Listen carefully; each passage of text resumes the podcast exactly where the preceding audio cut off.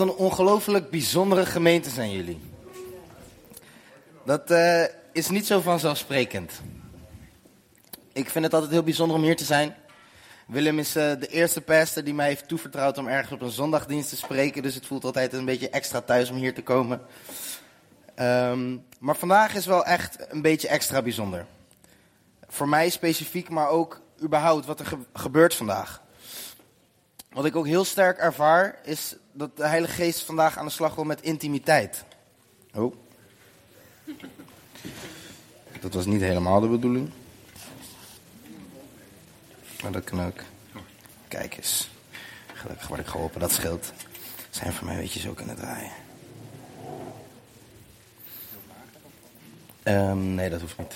Ja, perfect. Um, en ik heb vandaag wat voorbereid. En wat ik heb voorbereid gaat vooral over doen. Maar dat wil ik voor jullie ook in het straatje zetten van wat God vandaag al aan het doen is. En iets wat mij als eerst opviel, is het prachtige kleine meisje wat uh, bij de papa ging staan die aan het spelen was. En uh, dat ik zo ervoer dat dit ook sprekend mag zijn voor wat er met ons gebeurt vandaag. Dat wij vandaag hier zitten, we zijn God aan het aanbidden, maar dat we ook met z'n allen terug mogen naar onze Vader. Op een veilige plek en bij Hem intiem mogen zijn. Ook daarna het moment net naar Gies dat we met z'n allen om haar heen stonden en voor haar aan het bidden waren. Een ontzettend intiem moment. Dat maakt natuurlijk veel los bij Nargis, maar ook bij mensen om, om haar heen. Dat zijn intieme momenten. En zoals ik dus vandaag ga spreken over dat wij dingen voor God mogen doen, wil ik u laten zien dat dat ook nog steeds intiem is. Vaak als wij denken aan intimiteit met bijvoorbeeld een, een, partner, dan denken we vaak aan de momenten dat we thuis zitten, samen op misschien wel op de slaapkamer, een beetje kaddelen, knuffelen. Maar intiem zijn kan ook een moment zijn dat je samen iets aan het doen bent. En daar wil ik het vandaag met jullie over hebben. Hey, maar voordat ik start, ik ben Isaac, Isaac van Eyck, ik ben 21 jaar. Ik kom uit Noodorp, klein dorpje naast Den Haag. Um, en het is eigenlijk voor mij best wel heel bijzonder dat ik hier sta vandaag. Ik had namelijk helemaal niet op mijn planning staan, of het stond niet op mijn planning dat ik hier zou zijn. Eigenlijk zou er iemand anders spreken vandaag. Maar ik keek laatst naar een agenda. En daar zag ik op deze datum zag ik dat ik moest spreken in Leven Zutphen, s ochtends op de ochtenddienst. Ik kon me niet herinneren dat ik dat in mijn agenda had gezet. Sterker nog, ik kon me niet eens herinneren dat ik daar een gesprek met iemand over had gehad. Ik had naar Gies en Jan al een hele tijd niet gesproken, Willem al helemaal niet. Dus ik dacht, hoe komt dit in mijn agenda? Dus ik dacht, weet je wat, om, even voor, om het zeker te weten, stuur ik even een appje naar Nargis. Hé hey Nargis, dit staat in mijn agenda, waarschijnlijk een foutje, maar even voor de zekerheid. Niet dat jullie ineens zitten zonder spreker als ik er toch moest zijn. Uh, maar uh, ik, het stond niet op de planning, toch? Ze zegt, nee, nee, het staat niet op de planning. Maar um, degene die zou spreken heeft net afgezegd, dus als je kan zou het fijn zijn. Nou, dat was voor mij duidelijk, de Heilige Geest dat ik hier sta vandaag. Dus uh, ik heb me vrijgehouden en ik sta er vandaag. En um, ik heb vorige week ook gepreekt. En het weekend daarvoor ook. Dus ik had best wel een drukke, drukke tijd. Dus hoe moet ik nou deze preek gaan voorbereiden? En ik dacht, oké, de Heilige Geest die gaat me hier neerzetten. De Heilige Geest wil dat ik hier ben. Dan ga ik ook Gods vertrouwen dat hij me op tijd gaat geven wat voor deze gemeente nodig is. En toen zat ik hier vorige week, want de organisatie waarin ik eindverantwoordelijke ben, uh, de Unrestricted, die speelde als band. En ik was hier om te ondersteunen. En uh, ik zat in de dienst. En Rochelle die begon met spreken. En zodra die begon met spreken, ervoer ik ineens een hele uitwerking van een preek. Dus ik heb mijn telefoon erbij gepakt en ik begon te typen als een gek, want ik wilde het niet vergeten. En alles wat ik zo meteen met u ga delen, heeft God mij toen in een tijdperiode van vijf minuten verteld. Normaal duurt het uren om onderzoek te doen naar de samenhang van de dingen in je preek. En weet je, je wilt diepgang in je preek. En God die heeft me gewoon zo al die lijnen gegeven. En die zegt, dit is waar ik wil dat je over gaat spreken. Als er iets is wat ik geloof vandaag, is het dat dit een profetische boodschap mag zijn voor deze gemeente. Voor jullie als lichaam, zoals Gijs dat zei, maar ook voor jullie als individuen. Ik geloof met heel mijn hart dat datgene wat ik zo meteen met u ga delen, dat dat iets is waar God jullie in wilt duwen, als het ware. Hij wil jullie meenemen in een nieuw hoofdstuk, in een next level, als ik het zo mag zeggen. En hetgene waar God wil dat ik over ga spreken, Romeinen 12, vers 1 en 2, is een, een speciale tekst voor mij. Dit is een tekst voor mij die mij na mijn bekering ontzettend veel heeft geholpen. Ik ben nu ongeveer 3,5 jaar geleden ben ik eh, bekeerd en uh, heb ik Jezus beleid als mijn redder. En deze tekst heeft mij een beetje laten zien hoe ik me moet gaan gedragen of hoe ik die transformatie moet ondergaan. Ik ga met jullie lezen Romeinen 12 vers 1 en 2. Als u een Bijbel bij zich heeft, pak hem erbij. Het staat ook op de slide.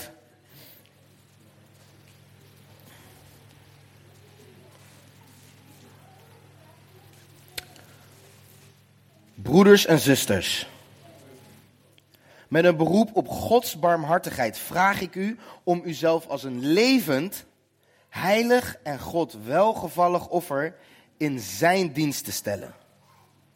Want dat is de ware eredienst voor u.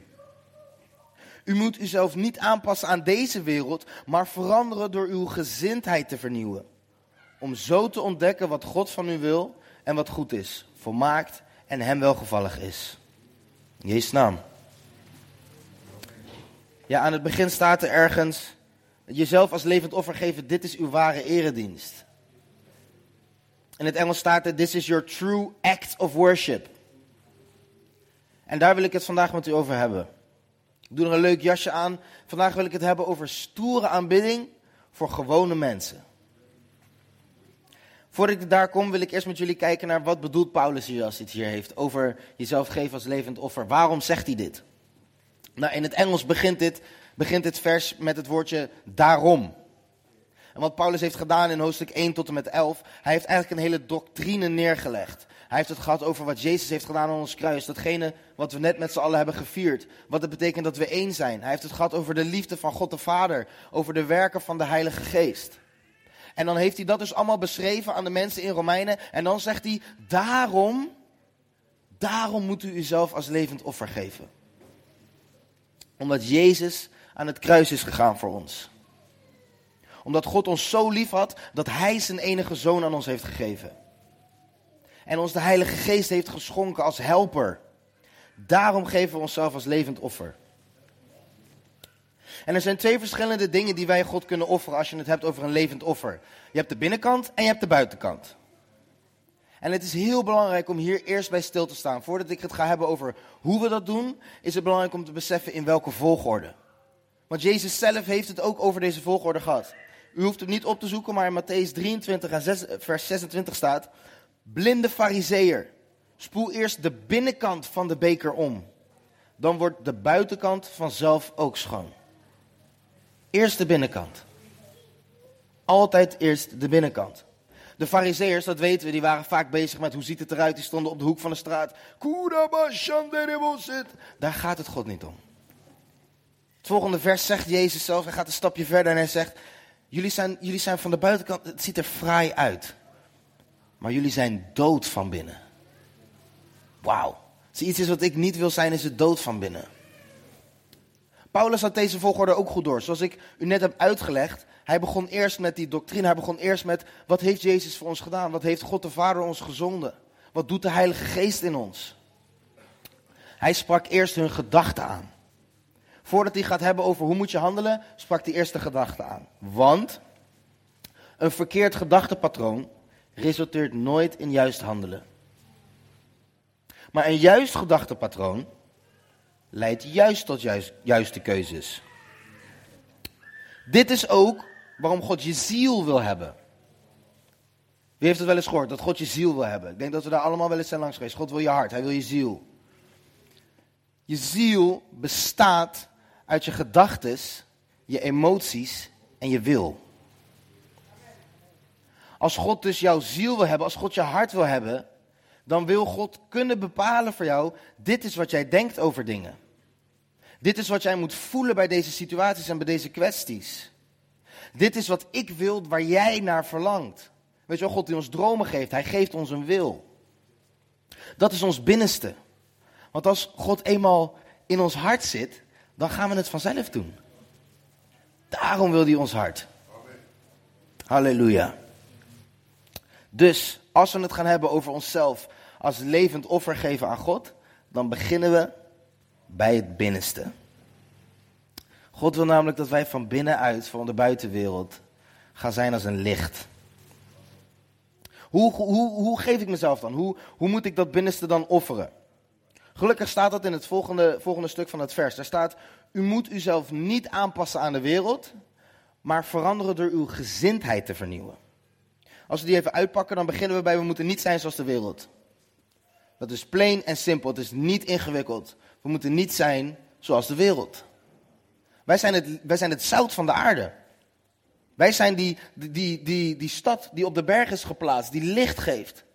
Wij zijn die lamp die op de tafel wordt gezet en niet onder een korenmaat, zodat de hele kamer verlicht wordt. Dat zijn wij, dat bent u. Dus het is belangrijk om niet te zijn als de wereld, want Jezus was ook niet als de wereld. En hoe ga ik dan naar die transformatie?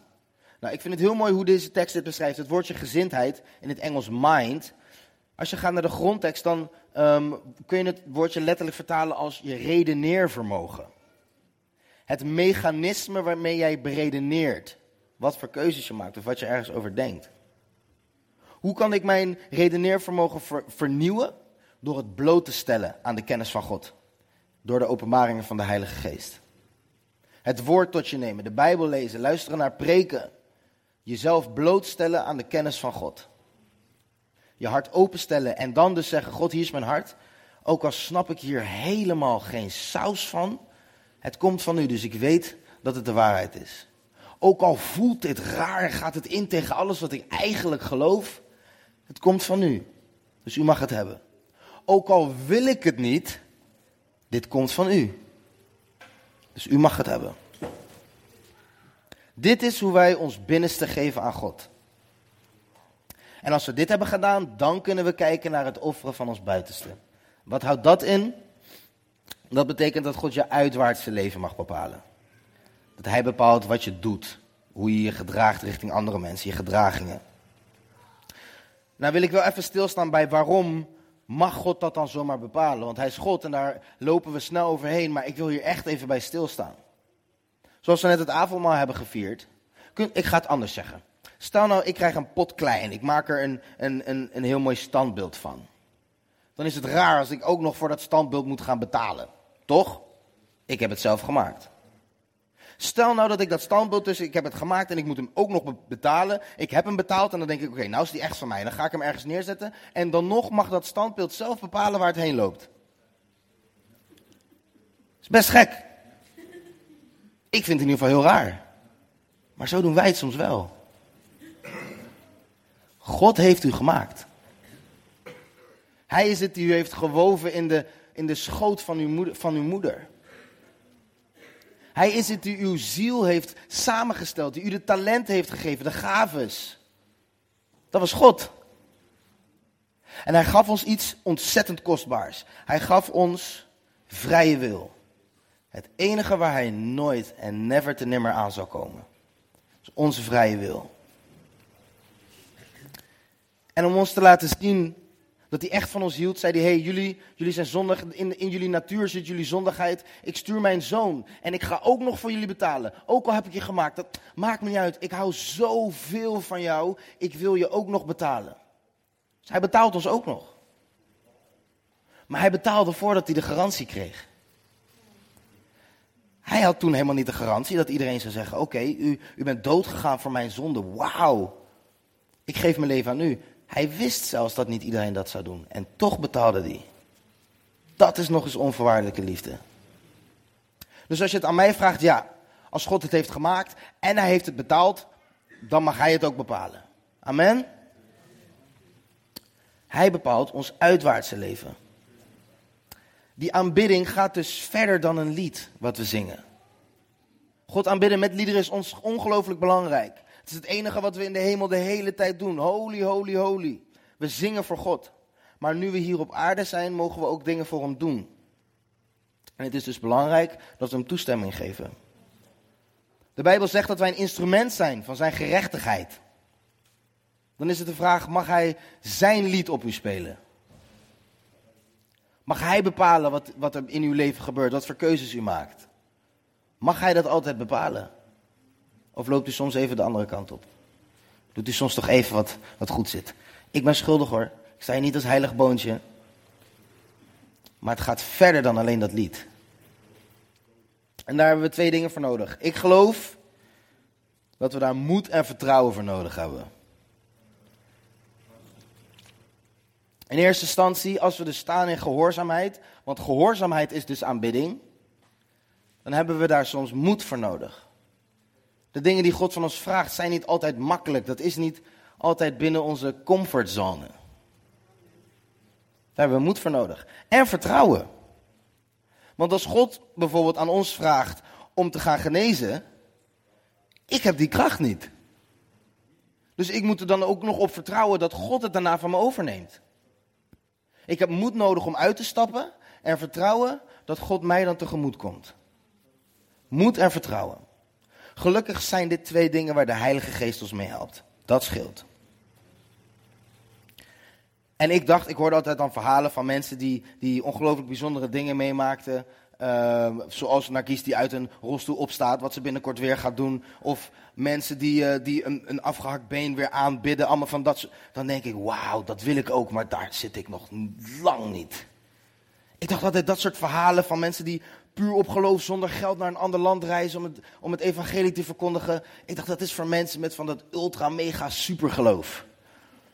Ik denk altijd, dat is, dat is voor mensen die, die wakker worden, die stoten hun teen, hun teen ligt eraf en ze zijn halleluja. Dat, dat is voor mensen met gewoon een ander soort gedachtegoed. Maar toen ben ik gaan zien, en dit vind ik mooi, God wil juist gewone mensen om hele bijzondere dingen mee te doen.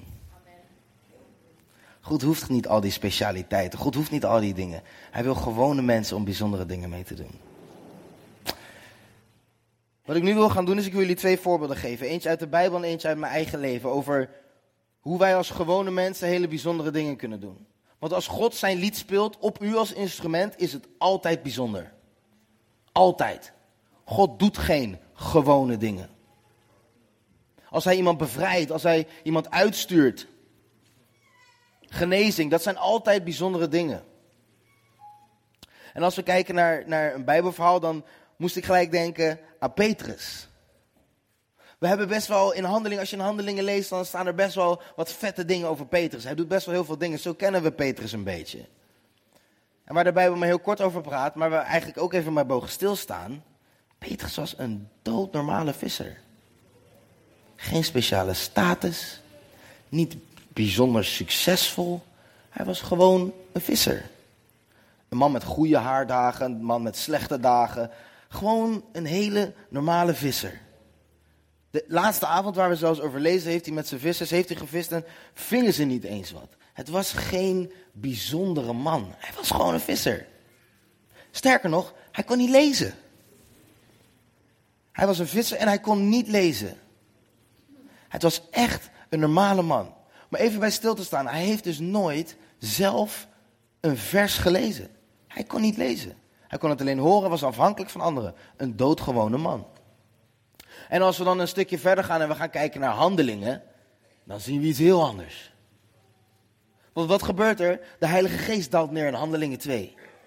Ook op Petrus. En ze beginnen allemaal in tongentaal te praten. Ik denk dat het verhaal wel kennen, toch? En alle, alle Joden en alle andere mensen van alle volken die erbij waren, die denken, deze mensen zijn, zijn dronken of zo. Ik hoor iedereen praten in, in, in mijn eigen taal, hoe kan dat? En als Petrus dat hoort, dan staat hij ineens op. De normale visser, die niet kon lezen, die stapt naar voren en die houdt een toespraak van jouw welste. Gevuld met de geest, vers gekomen van boven, speecht hij een speech waarmee vijf, sorry, 3000 mannen tot geloof komen. Mensen om er nog wat bovenop te zetten, die 3000, daar zijn de vrouwen en de kinderen niet in meegeteld. En Jeruzalem bestond op dat moment uit 25.000 man. Dan is 3000 ongelooflijk veel. Deze gewone visser, die nog nooit iets speciaals in zijn leven heeft mogen doen behalve wandelen met Jezus, wordt vervuld met de Heilige Geest en houdt een speech waarbij 3000 man tot geloof komen. Dan gaan we een stapje terug. Had hij moed nodig? Ongelooflijk veel. Had hij vertrouwen nodig? Nog meer. Maar deze gewone man, die stapte uit in moed en vertrouwen. En God deed iets ongelooflijk bijzonders. Stopt het daar? Absoluut niet. Dit was zijn begin. Hij had, de, hij had de smaak te pakken. Dus wat gebeurt er een paar dagen later? Gaat hij met Johannes naar de tempel. We kennen het verhaal. Laat het ook profetisch zijn voor wat er nogmaals met Nargis gaat gebeuren. Want ze zagen daar een bedelaar. Die 40 jaar verlamd is geweest. 40 jaar. En ik vind het zo mooi wat Petrus zegt. Die man die vraagt hun geld en het eerste Wat Petrus zegt is, kijk eens aan. Hij zag niet een, een, een man bedelen. Hij zag niet een verlamde man. Hij zag een plek waar de Heilige Geest weer een miracle kon doen. Hij zei, kijk eens aan. Goud en zilver heb ik niet. Maar in Jezus' naam, sta op en loop. En deze man gaat lopen. Hij springt en hij juicht en een paar versen later klampt hij hun vast. Waarschijnlijk van dankbaarheid, maar ook omdat hij niet wist hoe hij moet lopen. Want hij kreeg ineens spierkracht. Hij had geen opbouw. Hij heeft, sinds zijn geboorte was deze man verlamd. Hij wist niet hoe hij moest lopen. En iedereen ziet dit. Iedereen die onderweg was naar de tempel, die ziet daar de man. Maar hij is toch 40 jaar verlamd? Maar hij zat toch altijd in een rolstoel? Maar hij was toch altijd verslaafd aan pornografie? Maar hij, hij leefde toch met veel te weinig geld? Maar hij had toch helemaal geen huis? Na 40 jaar staat hij op en loopt hij. Iedereen staat versteld. En weer is er een menigte. En deze normale Petrus, die net weer een wonder heeft gedaan door de kracht van de Heilige Geest. Door de kracht in de, in de naam van Jezus. Die ziet deze menigte en die denkt weer, kijk eens aan. God gaat zijn werk weer doen. En met moed en vertrouwen stapt hij opnieuw uit. En doet weer een speech waarbij dit keer 2000 man tot geloof komen. Nogmaals, alleen de mannen meegeteld. De Heilige Geest doet zijn werk in de harten van de mensen. Ongelooflijk wat Petrus hier doet. Een normale man die niet kan lezen. Stopt het daar zeker niet. Het mooiste moet nog komen. Want deze Petrus en Johannes worden opgepakt. Door de handhaving? Nee. Door een, een, een, stagiair politieagent? Nee. Door de Joodse leiders. Dat zijn mensen met status. Dat zijn mensen die hun hele leven bezig zijn geweest met de wet. Die weten hem van begin tot eind. Hier zaten geen mensen tussen die toevallig geen woord konden lezen. De Joodse leiders. En deze normale visser, die niet kon lezen, die staat daar. In de rechtszaal. En hij wordt ondervraagd. En in de Bijbel staat, vervuld van de geest, spreekt hij zo vrijmoedig dat hij de Joodse leiders helemaal perplex maakt. Ze denken, wat gebeurt hier? En op dat moment beseffen zij, door zijn vrijmoedigheid, deze man kan niet lezen. Maar hij is in de aanwezigheid geweest van Jezus Christus. Laat het zo zijn voor u. Laat het zo zijn dat u de dingen doet in vertrouwen op God. Met uw moed die u krijgt door de Heilige Geest. Dat andere mensen zeggen, maar je bent toch gewoon net zoals ik een mens? Ja, maar ik ben toevallig ook een kind van de Allerhoogste God. En hij houdt stand tegen Joodse leiders. Er staat daar een genezen man naast. Wat kunnen ze doen? Zeggen dat het niet is gebeurd? Heeft geen zin. Deze man die springt erop los. Ik zie hier een patroon. Gewone mensen, plus de Heilige Geest, zorgt voor hele bijzondere dingen. En zover ik weet is de Heilige Geest beschikbaar voor u allemaal. En zover ik weet zijn we gewoon met z'n allen gewone mensen. Ik geloof dat God van jullie vraagt om nieuwe dingen van hem te vragen. Het maakt niet uit waar u zit. Of u net inderdaad zonder geld naar een vreemd land bent gegaan om het woord te verkondigen. Of dat u net voor het eerst iemand op straat heeft aangesproken. God wil nieuwe dingen met u gaan doen. Hij vraagt vertrouwen en een beetje moed. Maar vergeet niet dat u dit mag doen met de helper. Met de Heilige Geest. U bent nooit alleen. En wat ik vandaag niet uit het oog wil verliezen is wat God hier aan het doen is. Intimiteit. Dit zijn dingen die wij doen voor God. Maar dat doen wij in intimiteit. Bidden voor Nargis was voor mij niet een droog, grijs moment. We ervaren niet alleen Gods aanwezigheid, maar we ervaren zijn liefde. Als we dus even bij stilstaan, hij vertrouwt ons toe met de kracht om lichamen te genezen. Dat is een vertrouwen wat hij ons geeft, maar ook een liefde. Want hij weet dat we daar helemaal niet mee om kunnen gaan. Dingen die wij voor God mogen doen, doen we in intimiteit. Ik wil de band vragen om weer naar voren te komen. Wat vandaag voor mij een beetje extra speciaal maakt, is wat ik het afgelopen weekend heb meegemaakt. Afgelopen weekend was voor mij een rollercoaster van emoties en situaties. En ik vond het heel mooi dat, ik weet niet meer precies wie het zei, dat iemand hier zei dat we God moeten aanbidden door alles heen. In elke situatie. Volgens mij was het naar zelf. Maakt niet uit wat er gebeurt in je leven. We blijven God aanbidden, want Hij blijft altijd waardig. Juist op de momenten dat we het moeilijk hebben, oh, dan hebben we Hem nodig. Laten we Hem dan niet de schuld geven van de gebrokenheid van deze wereld. Maar laten we naar Hem toe gaan als een klein kind wat aan de voet zit van een vader. In ongemak, in verdriet, in boosheid, in pijn. Want bij Hem is de enige plek waar we rust mogen ervaren.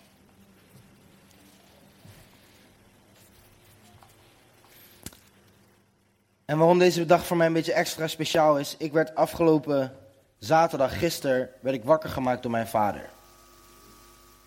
En hij vertelde me, Isaac, niet schrikken, maar je broertje die heeft net een poging tot zelfmoord gedaan. Hij heeft al mijn oude ADHD-medicatie geprobeerd in te slikken. En hij had daarvoor alcohol gedronken en mijn ADHD-medicatie zijn een katalysator van alcohol.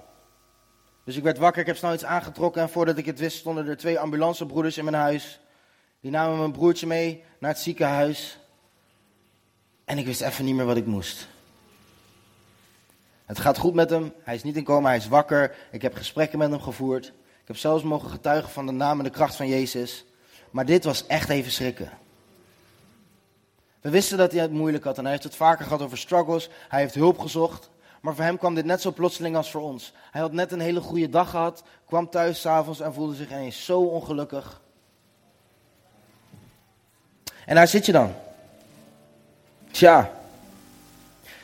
Ik zou met mijn vriendin en mijn biologische familie zou ik naar de nieuwe Black Panther film gaan. Dat zijn we toch maar niet gaan doen. En dan zet het je toch aan het denken, ga ik preken zondag? Zal ik gewoon thuis blijven? Ik weet niet zo goed wat ik moet. Dus ik zat met mijn broertje aan zijn bed. En ik zeg, Gabriel. Komende zondag zou ik spreken in Zutphen. Als je wil dat ik thuis blijf, dan blijf ik thuis. Als je wil dat ik vanavond bij je, bij je bed blijf zitten, dan doe ik dat. Wat wil je? Hij zegt, nee Isaac. Ik weet hoeveel God voor jou betekent. Hij is zelf niet gelovig. Hij zegt, ik weet hoe fijn jij het vindt om te spreken. Dus ik wil dat je gaat dan zie ik je morgen wel. En dan zit je daar en dan merk je aan alles, dit is niet alleen Gabriel die praat, dit is niet alleen mijn broertje, dit is God die van mij vraagt. Je krijgt van mij de toestemming om dit te doen met een gerust hart. En dan ben ik toch maar gegaan. Ik heb met veel mensen gepraat over wat er is gebeurd met Gabriel. Ik ben het niet van me af gaan schuiven. Maar het doet nog steeds iets met me. Mijn broertje ligt nog steeds in het ziekenhuis. Het is even niet fijn allemaal. Maar juist dan vraagt het dus moed van mij en vertrouwen op God dat ik dit nog kan doen vandaag. Dat ik hier kan staan en jullie dit woord kan geven, omdat ik geloof dat iemand in deze gemeente, misschien zelfs iedereen in deze gemeente, dit nodig heeft, dit kan gebruiken. Dat jullie bemoedigd kunnen worden door het woord van God, het levende woord wat God ons heeft geschonken. En dat is stoere aanbidding voor gewone mensen. Want ik ben maar een gewone jongen. Een gewone jongen die drieënhalf jaar geleden pas voor het eerst dacht: Oh, wacht even, misschien bestaat God echt. Een gewone jongen die nog nooit heeft gedacht: Ik moet de Bijbel lezen. Die nog nooit heeft gedacht: Jezus heb ik nodig. Een gewone jongen waar de Heilige Geest in is gaan wonen en heeft gezegd: Isaac, met jou ga ik bijzondere dingen doen. Want voor mij is dit ongelooflijk bijzonder. Om hier te mogen staan, om, om worden toevertrouwd met het feit dat ik mag, jullie mag uitleggen wat het woord van God in de praktijk betekent. Dat ik voor God mag spreken. Dat zijn bijzondere dingen. Maar ik ben een gewone jongen. En dit is onze true act of worship. We kunnen elke zondag en misschien op een speciale vrijdagavond zingen naar God. En dat moeten we blijven doen. Elk moment van de dag, in elke situatie zit een mogelijkheid om God zijn eerbied te geven. Om God zijn glorie te geven. En het vraagt moed, zeker weten. En het vraagt vertrouwen. altijd. Maar we kunnen het wel doen. Dit is wat God van ons vraagt. In intimiteit. Als ik Gods liefde niet had ervaren, als ik niet zijn rust had ervaren, dan had ik hier niet kunnen staan. God vraagt niet van mij, Isaac, ik wil dat je het gaat doen, dus ga maar. Dan ga ik wel kijken hoe je het hebt gedaan en dan vertel ik je achteraf wel wat tips en tricks voor de volgende keer. God is met mij. God geeft me vrede. God geeft me rust. Want zonder God had ik dit niet kunnen doen. Dan had ik mijn eerste zin niet eens kunnen afmaken. Intimiteit. Aanbidden is altijd intiem. In Psalm 100, als u deze week een, een tekst wil lezen, Psalm 100 heeft maar vijf versen. Het is niet lang, dus geen smoesjes, maar daar staat iets ongelooflijk moois. Wij komen zijn poorten binnen met dankzegging. En we komen in het, in het heiligste van het heiligste door zijn naam te prijzen. Ik geloof dat God op die manier ons een, een weg baant naar zijn aanwezigheid. Dankbaar zijn. Het eens zijn met wat God doet.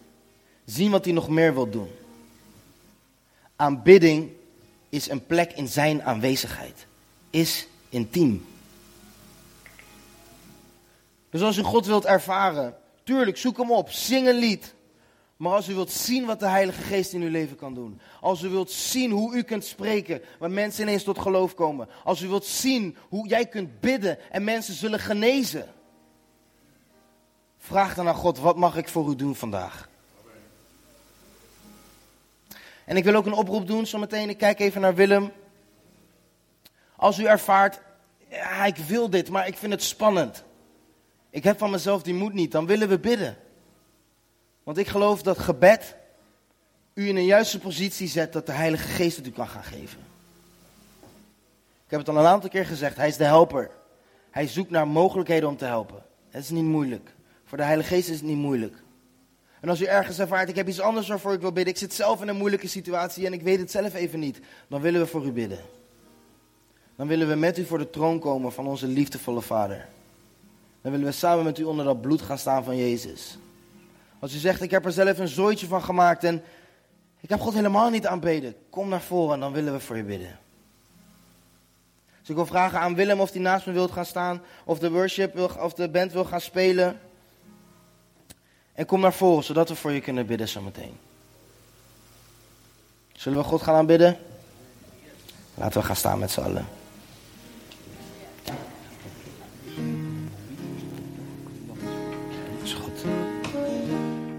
Through it all, my eyes are on you.